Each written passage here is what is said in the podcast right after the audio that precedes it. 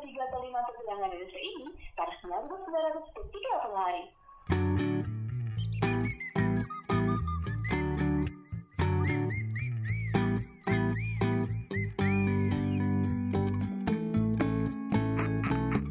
Halo, halo, assalamualaikum. Waalaikumsalam. Apa kabar? Alhamdulillah baik. Akhirnya teleponan lagi. Eh, kok nggak nanya kabar gue baik? sih? Oh iya maaf, lu sehat? Alhamdulillah. Iya ya, kok pas corona tuh nanya kabar jadi wajib gitu. Iyalah, kita nggak tahu. Oke, gimana gimana? Iya akhirnya teleponan lagi di sambungan telepon, walaupun cuma gua sama Ica nih. Tapi anggap ini aja. kita oh nelfon buat podcast sambungan telepon. Iya ya, gue belum serius. briefing lu. Ah, tahu gimana sih lo? Udah lanjut deh. Ya udah lanjut aja ya teman-teman. Eh, walaupun cuma gue sama Ica nih yang nyambung, tapi anggap aja kita lagi grup call sama Hmm. semua pendengar yang gue harap sih setia mendengarkan.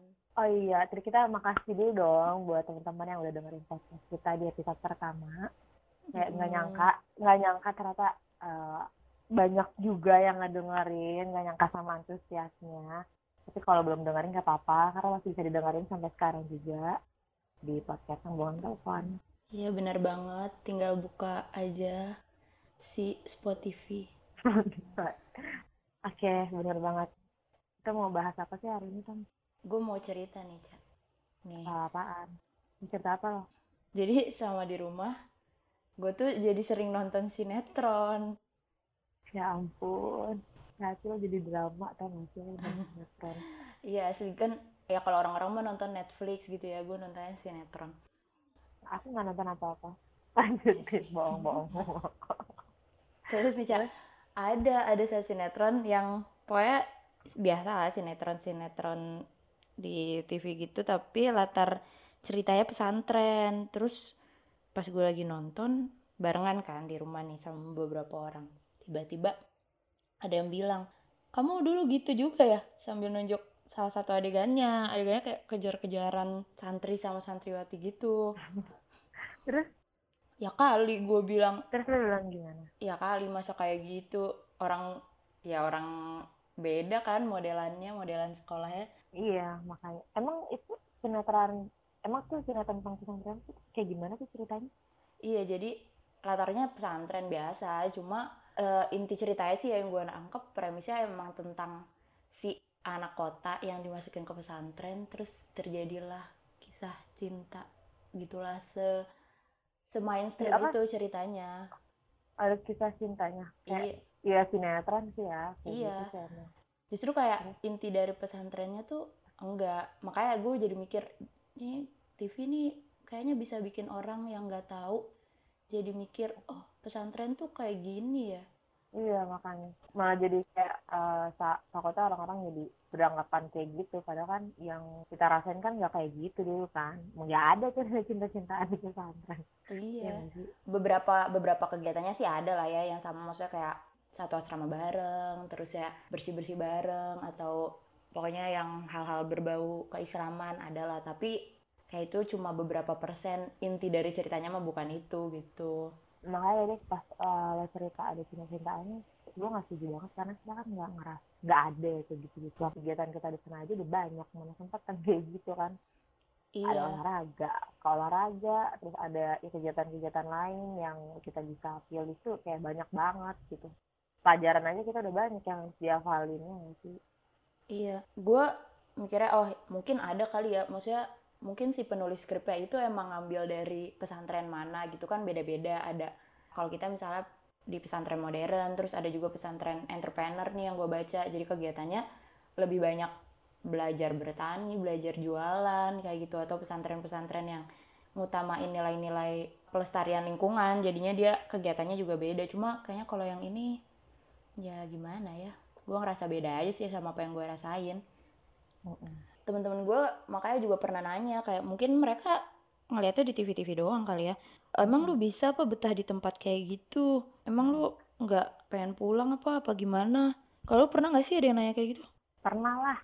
Terus lu jawab apa? satu kok orang kaya bisa sih betah di sana.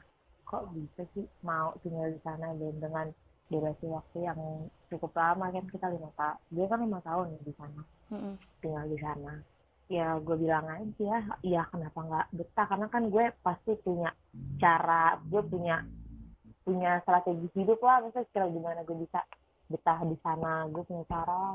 Ya selain emang gue dasarnya orangnya gampang aja sama adaptasi sama lingkungan baru gue tapi tetap aja kan kita harus tetap punya cara supaya kita betah di lingkungan kita. Gitu. Paling ya kayak gitu sih. Yang kalau nanya ke gue paling soalnya kan di pesantren kan nggak ada TV nggak ada handphone terus kita nggak bisa keluar jalan-jalan kayak gitu kan. Mm-mm. kalau apalagi gitu pesantren kita yang nggak ada tuh istilahnya. Misalnya kan ada ya misalnya beberapa pesantren yang masih ngizinin kayak misalnya kalau hari libur bisa jalan. Kalau kita kan nggak ada bener-bener full Iya. libur ya kita ada, ada kegiatan yang lain gitu. Iya kalau ngomong betah nggak betah mah di mana juga bisa ya. Maksudnya nggak harus di pesantren berarti nggak betah gitu. Gue di kosan juga kadang nggak betah di rumah Iya, bisa nggak betah kayak di mana pun kita pasti ada aja satu titik jenuhnya titik nggak titik yang suka cuma kan bedanya mungkin kalau pikiran orang kan uh, kalau kita tinggal di luar kan kita masih bisa ngelakuin apa pun tanpa dibatasin gitu kan. Ini kalau misalnya kan kita tetap ada aturan, ada peraturan di dalamnya.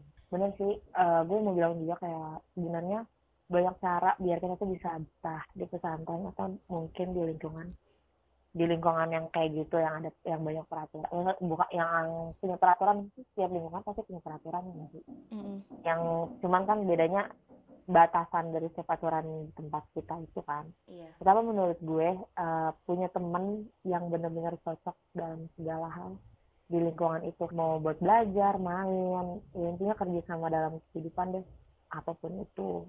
Eh, kunci kalau gue kunci utamanya itu kita harus punya teman iya benar yang soalnya bisa kita ajak kerja sama dalam semua kegiatan hidup kita.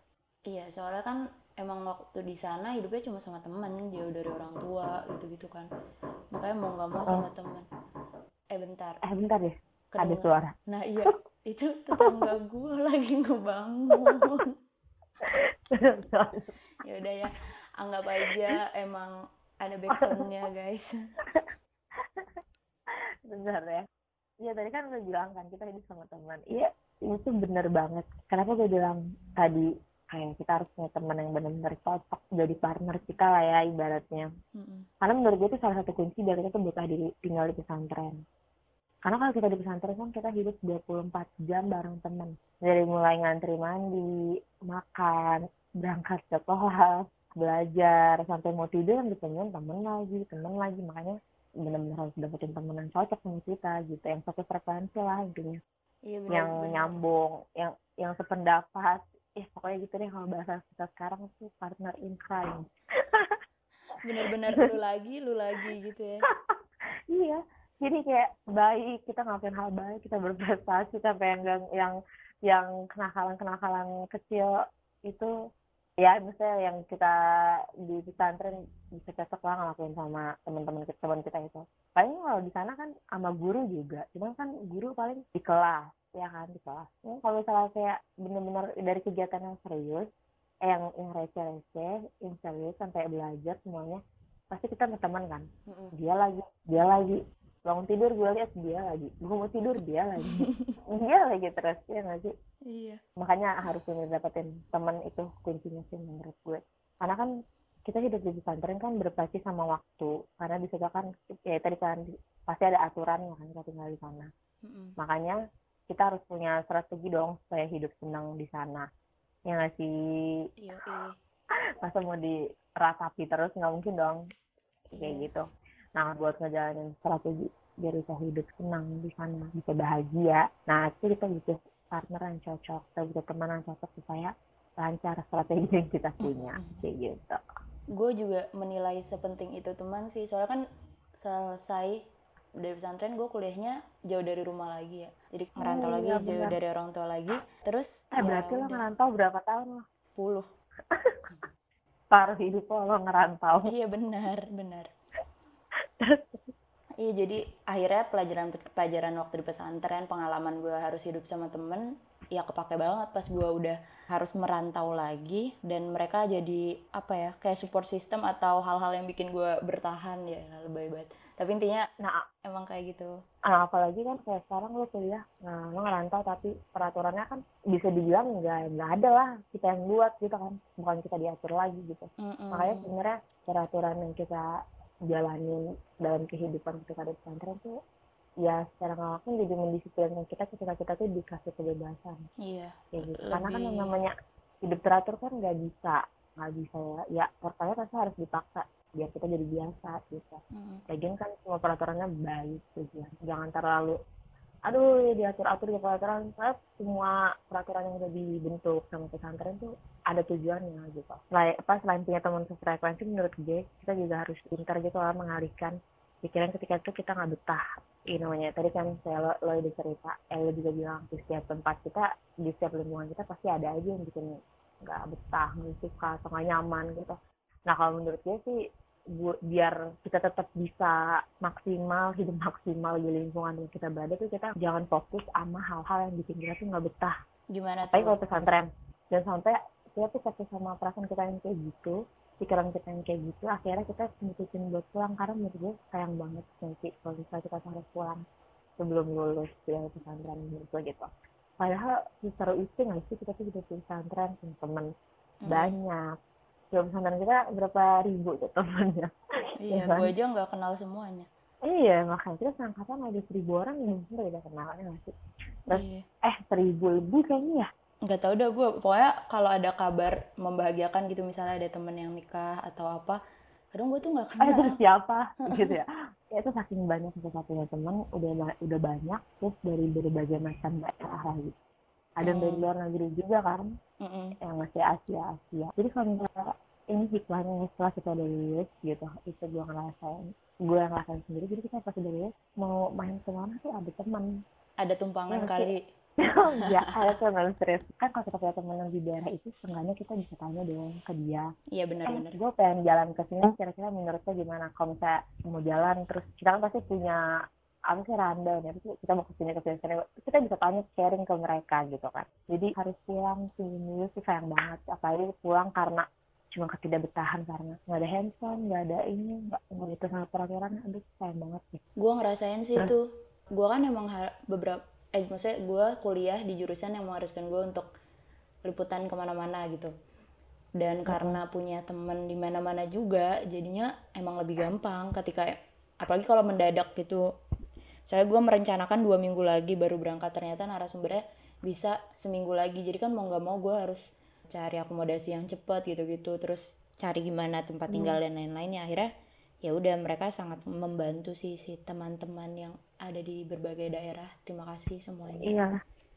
Terima kasih semua teman-teman juga yang pernah mendampingi aku ketika aku liburan. Iya bener itu ad- ada Andi Mutia sekarang sedang di Pakistan. Dia kok sempat visit ke Lombok dan dia memberikan aku tempat tinggal Salimah terus terus kok kenapa gue bilang seru di sana? Kayak kita nggak punya duit pun di sana coba bisa makan kan tetap bisa makan kan ke dapur. Ya Iya. iya Kan coba gitu gua.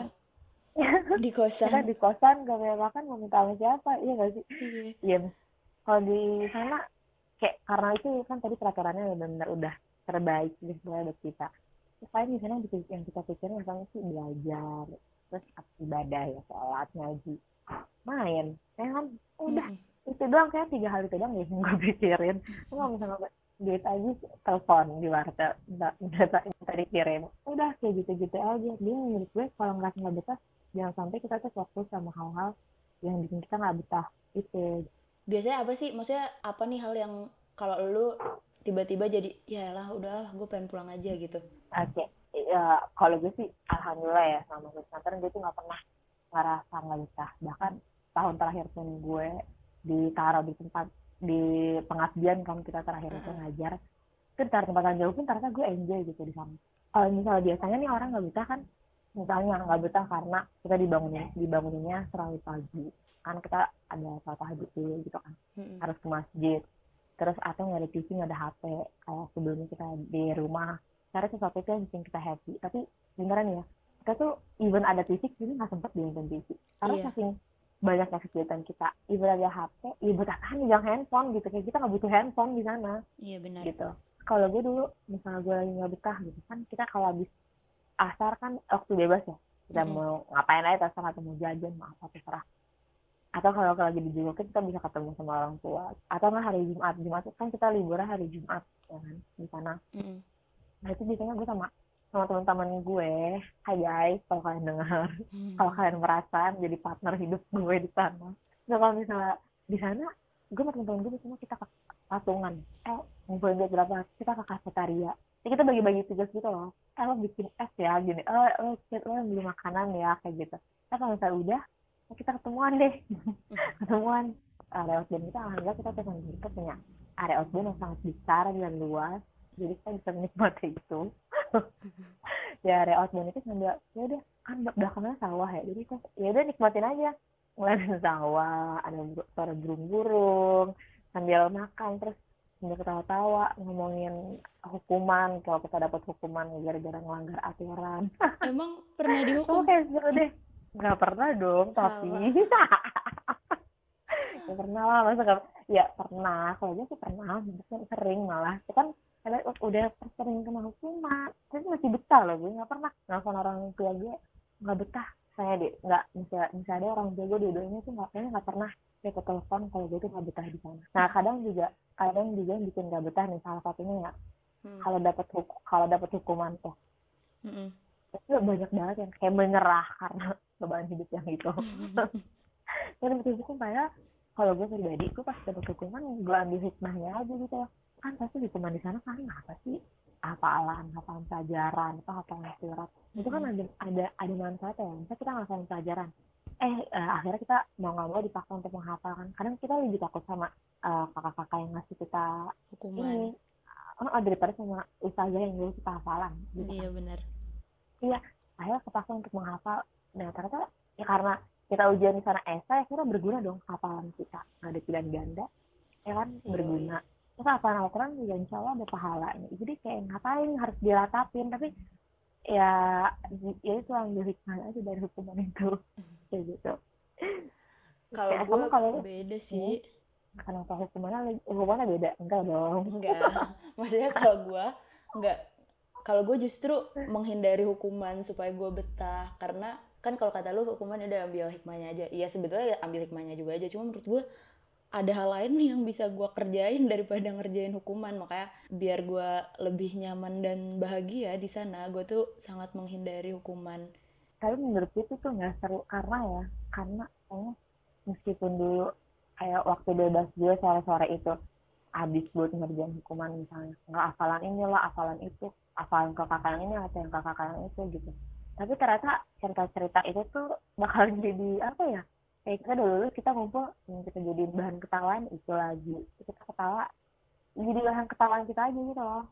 Iya sih kalau kalau jadi nostalgia tuh jadi banyak ceritanya gara-gara itu. Kalau itu menurut gue sih seru ya. Makanya tadi gue sama teman-teman gue meskipun ada kena hukuman ya santai aja. Lucu jadi ya Iya pas udah sekarang jadi lelucon. Gak tau kenapa ya gue tuh kayak kalau dulu ah males banget gitu. Gue harus sore-sore mestinya gue bisa mungkin olahraga main basket atau gue kan bisa nyuci kan kegiatan-kegiatan yang lain ngikut klub-klub yang lain. Terus jadi harus datang ketemu si osis-osis itu. Osis ya pokoknya ada istilahnya ya guys di sana. Untuk hafalan kayak ah ampun males banget. Dan sebetulnya gue orang yang paling males ngafalin pelajaran. Tapi lo lebih pintar dari gue hebat juga. Lo kayak gitu. Wah iya dong. Eh tapi gue pernah mikir gak sih setelah sekarang bisa juga ya ternyata gue berada di lingkungan yang kayak gitu? Soalnya gue tuh misalnya nih satu hari aja gue ke kampus nggak megang handphone. Terus kayak ya Allah susah banget gitu mau apa mau janjian sama teman jadi susah. Terus kalau apalagi udah nggak bawa handphone nggak bawa dompet nggak bisa jajan nggak bisa ini. Terus Iya. gue eh tapi dulu tuh gue bisa tau enam tahun tinggal di lingkungan iya iya. kayak gitu. Benar benar dulu tuh kayak kita tuh kayak nggak tahu ya gimana caranya kita janjian. Terus ketemu aja sama temen gitu. Ya iya nggak sih? Iya mungkin karena lingkungannya lebih kecil juga kali ya. Iya, benar-benar. Tapi pokoknya eh, sejauh ini maupun dulu dulu waktu masih di sana ataupun enggak, gue sih gue benar-benar bersyukur banget sih pernah mengalami apa sih pendidikan di pesantren. Gue kan gue kenal pesantren yang ada rencana kan. Ada rencana kayak emang kayak mesti enggak sih udah hidayah gitu dari awal dari pesantren. Iya memang ya. sampai sekarang eh, itu gue bersyukur banget di sana karena setelah sekarang ya kayak kita bebas misalnya kita nggak ada peraturan yang terlalu terlalu seperti di sana eh, ternyata pola hidup di sana tuh gue menyadari benar-benar eh, bagus gitu. Mm. pola hidup di sana tuh benar-benar ya bagus sih caranya enak bersyukur banget. Terus tadi kita punya banyak teman terus pelajaran-pelajaran pelajaran pelajaran hidup dan pendidikan yang di- dikasih di sana tuh benar berguna sampai sekarang. Terus selain itu juga kayak pesantren menurut gue ketika gue tinggal di sana lima tahun dari setelah sekian lama hidup di dunia ini itu benar-benar benar-benar tempat yang bikin yang bikin yang tinggal tuh benar-benar tenang gitu pas tinggal di pas tinggal di dunia ini.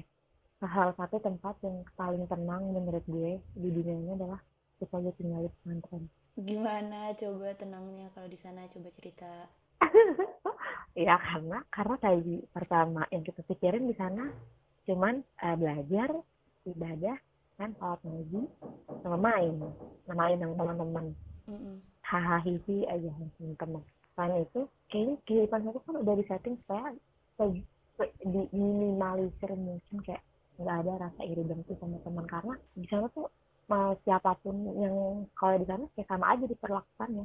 Apalagi kalau misalnya soal materi ya kayak kita kita aja yang kayak nggak boleh bawa tas nggak boleh apa kalau ke kelas. Karena ya apa sih kalau misalnya soal materi? Kayak bener-bener nggak ada. Baju peraturan baju harus Iya. kayak gini sama.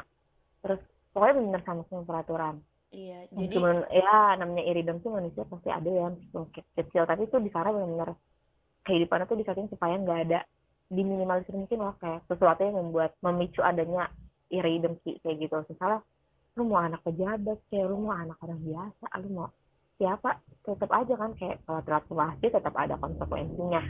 Ya kalau mau makan tetap antri ke kafe tetap antri. Pokoknya bener sama. Jadi ya ya itu makanya happy aja tenang di situ tuh kayak nggak nggak ngelihat orang lain punya apa karena yang kita punya sama di sana gitu ya, jadi definisi yang tidak ada yang beda antar manusia kecuali keimanan itu tuh benar-benar ada gitu ya di sana jadi bener kalau lu mau ngerasa terlihat lebih baik atau apa ya lewat ibadah, lewat belajar, lewat pencapaian akademis dan non akademis di sana. Iya. Bukan- bener-bener Karena Bukan seberapa hal-hal- keren lu pak- berpakaian, seberapa keren pakaian gaya lu. seperti apa yang lo bawa aduh sumpah itu nggak ada deh. Senang banget sih gue. Mau lo anak pejabat tuh juga jalan kaki bareng kita gitu. Iya. karena ya ya yang gue rasain iya iya, siapa pun itu kalau dia melanggar aturan yang ada konsekuensinya. Nggak berlaku buat siapa buat siapa tapi semuanya sama. Selama lo masih jadi masih jadi siswa di situ jadi dokter ya tetap kena karena tadi kan kayak gue bilang ada rasa iri dan karena dia punya apa dia tadi bilang kayak dia bilang kayak dia cara dia berpakaian kan yang gue rasain setelah sekarang Mm-mm. sekarang gue benar-benar hidup di real life. Di kehidupan yang nyata ini di dunia yang yang ini setelah keluar dari pesantren kayak orang tuh ngeliat ini ini manusiawi aja ngeliat orang pakai barang apa jadi kayak pengen ih kok dia bisa sih beli? Ih jadi pengen apa? Karena ya itu kan ya sebenarnya kita juga akhirnya nanti kalau misalnya kita nggak kesampaian akhirnya jadi ngerengek ke orang tua lah minta apa jadi saling jadi ngomongin eh kok dia pakai barang? Itu kan gak bagus kan kayak gitu. Nah, Iya. Makanya kan kan kita rasain sekarang juga. Nah, ketika kita di sana, mana ada perasaan kayak gitu kan? Itu kayak kecil banget sih bisa ngerasain kayak gitu ya nggak sih? Mm-mm. Bahkan kayaknya nggak nggak ada, bahkan kayaknya nggak ada juga.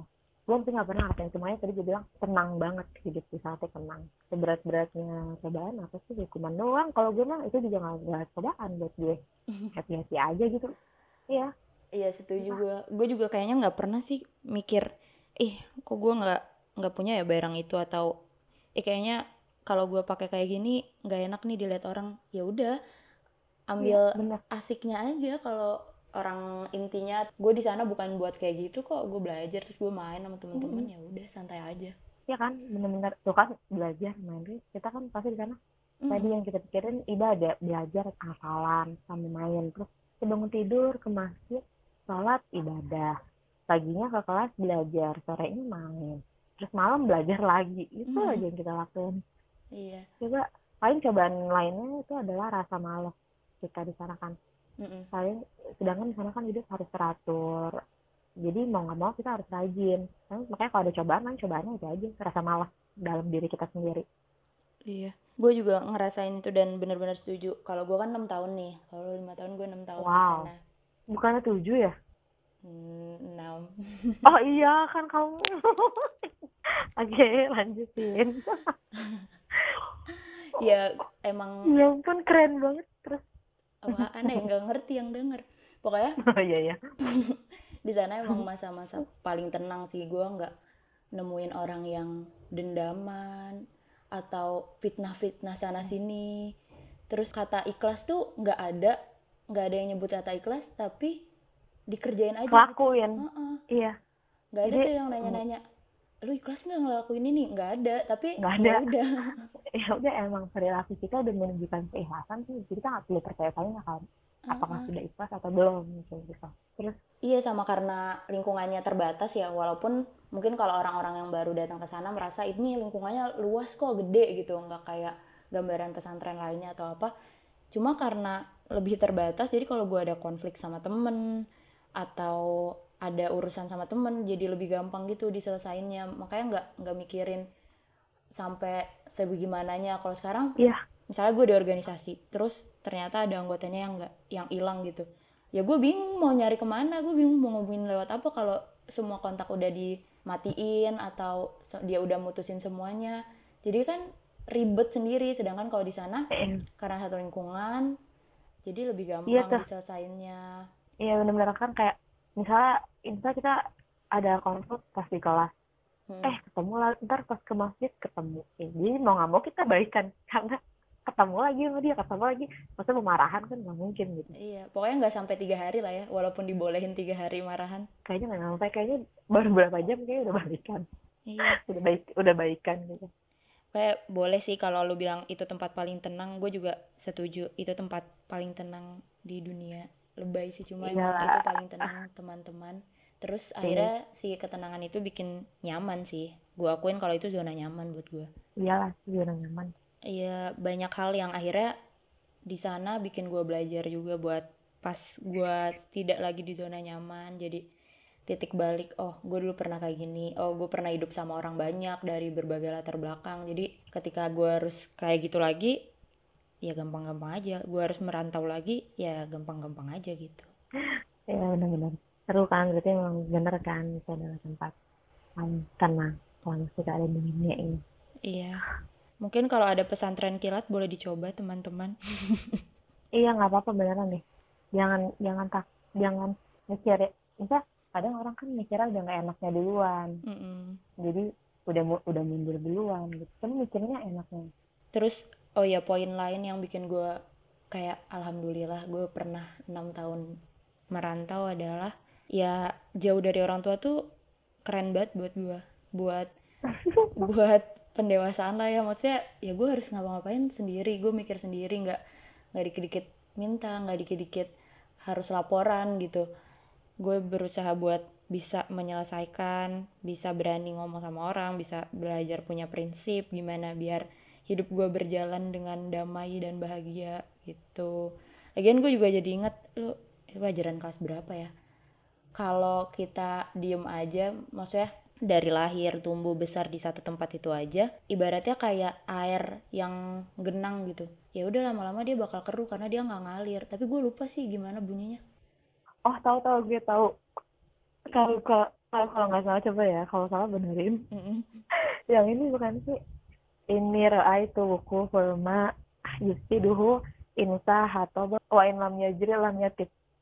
Ah iya. benar benar benar ingat gue pelajaran kelas ya ampun. kelas 5 ya nih kalau nggak salah. Ya kelas 11 ya teman-teman setara kelas 11 itu kayak ya, gimana deh? Coba gimana? Iya. Yang Oh, lengkapnya? oh. Wah, ada yang Safir tajid iwadon aman tufarikuhu fansop fa inna ladhi dal aishi fin nasobi. Artinya tuh kurang lebih Safir, Safir itu kan berpergian lah, berkelana lah kalian gitu, merantau lah. Dan entar, entar kita tuh yang merantau, orang-orang yang merantau bakal nemuin pengganti dari orang-orang yang kita tinggal. Jadi kadang kan yang bikin sedih kalau ngerantau, ntar gue punya teman gak ya di sana, ntar gue punya keluarga gak ya di sana. Tapi Iya. si mahfudatnya ini bilang kalau ya udah pergi aja karena lu bakal nemuin penggantinya nanti di sana bakal ada keluarga Iya. baru Nah, Iya terus benar-benar. Jadi maksudnya maksudnya kita kayak nggak usah takut kehilangan teman-teman kita yang lama, teman-teman kita di tempat yang kita yang lama ketika kita mau berpergian atau bermusafir ke tempat kita yang baru. Itu tapi tentunya untuk berpergian untuk tujuan yang baik. Salah satunya untuk menuntut pendidikan untuk pendidikan ya nggak sih? Jadi iya, kayak teman yang kita temuin sana kayak jangan nggak usah takut nanti kita jadi jauh sama saudara atau keluarga kan niat kita berpergian kan juga baik ya kan jadi nanti insya Allah kita akan ditemukan sama orang-orang yang baik juga di lingkungan kita yang baik eh di lingkungan kita yang baru itu iya. Terus kan ada tuh yang kalimat Tuhan sofa inala didal aisyu finna sobi itu artinya ya lu bakal merasakan kenikmatan setelah lu bersusah-susah. Emang merantau itu susah, jauh dari tempat yang nyaman itu susah, tapi setelah itu lu bakal nemuin hal yang membahagiakan lah, menikmati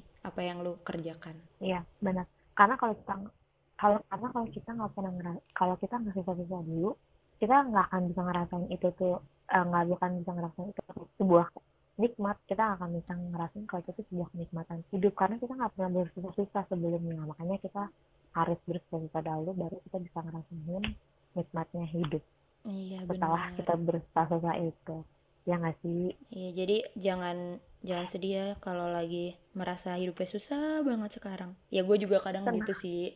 Tapi percaya aja bakal seneng nantinya. akan selesai semua kesusahan itu akan selesai yang penting kita tetap usaha kita tetap usaha tawakal Doa ya kan dulu. istihad oh doa habis itu tawakal baru kita tawakal kita berserah diri sama Allah jangan lupa setiap setiap apa pun nanti ya resultnya setiap apa pun hasilnya kita harus tetap bisa mengambil hikmah karena kalau kita nggak bisa mengambil hikmah ya sama aja karena kita manusia biasanya manusiawinya pasti ngerasa kurang ngerasa kurang terus akhirnya nanti jadi nggak bisa ngerasain nikmat itu kalau nggak mesti merasakan kayak gitu iya nggak sih Iya Ya benar. Kayak orang bener Bener banget lah Umi. Hmm. oke awalnya kita ngobrol jadi panjang banget ya kita gitu aja ngobrolannya udah udah cukup panjang belum Iya. Gue ada lagi nggak gue awalnya cuma mau mau mulai cerita itu mau bahas gimana sih TV ngebingkai si pesantren. pesantren bener Eh, Jadi panjang deh teman-teman. jadi tuh sebenarnya obrolan kita ini aspek teman-teman yang dengar teman-teman semua yang dengar Mm-mm. itu bisa eh, nggak salah paham atau jadinya gambaran tentang pesantren itu nggak seperti yang di televisi. Takutnya kan kan kita nggak tahu ya yang- yang nonton tadi sinetron yang diceritain itu Mm-mm. siapa atau usianya berapa. Entah takutnya ada yang berpikiran yang kayak gimana. Di sini kita sebagai eh, salah bagian kecil orang yang pernah tinggal di sana, nah apa untuk pendidikan di sana itu ternyata nggak ya eh, nggak kayak yang di TV. Emang ada beberapa kegiatan yang sama, cuman yang ya itu nggak terlalu sama, nggak sama ya bisa dibilang bagian besarnya nggak sama ya nggak sih? Tadi kan udah bilang Iya. pagi yang soal soal cinta-cintaan tuh nggak ada karena kita kalau di tempat kita itu benar-benar put- asrama putri ya putri gitu, putranya ya jauh gitu. Mm-mm. Dibilang kayak Jakarta Jakarta Bogor atau Jakarta Bandung lah buat ke putra Iya benar. ya kan. Kita Jadi di nggak ada tuh yang yang buat cinta-cintaan tuh nggak ada ya kayak gitu bahkan bahkan kayaknya nggak sempat deh kayaknya mikirin cinta tuh kayaknya nggak sempat karena Iya. ada banyak kegiatan dan lain-lain kayak gitu semoga kayak ini, ini bisa bermanfaat buat teman-teman semua yang ngedengar obrolan kita melalui sambungan telepon ini Iya, amin. Ambil manfaatnya aja. Kalau dirasa ada yang kurang pas, dibuang. Tapi akan lebih baik kalau disampaikan sih. Gue seneng banget kalau ada yang menyampaikan buat perbaikan obrolan kita juga. iya terus tadi kan kita juga udah kasih tips-tips gimana caranya supaya bisa betah tinggal di Mm-mm. sana iya nggak sih semoga semua yang punya niat-niat baik yang mau dengan ada orang tua yang mendengarkan terus mau menyekolahkan anak Mm-mm, benar. Wah, semoga bisa bermanfaat deh pokoknya Iya, itu aja sih paling benar. Pokoknya kalian sehat-sehat ya yang dengerin dan bahagia selalu.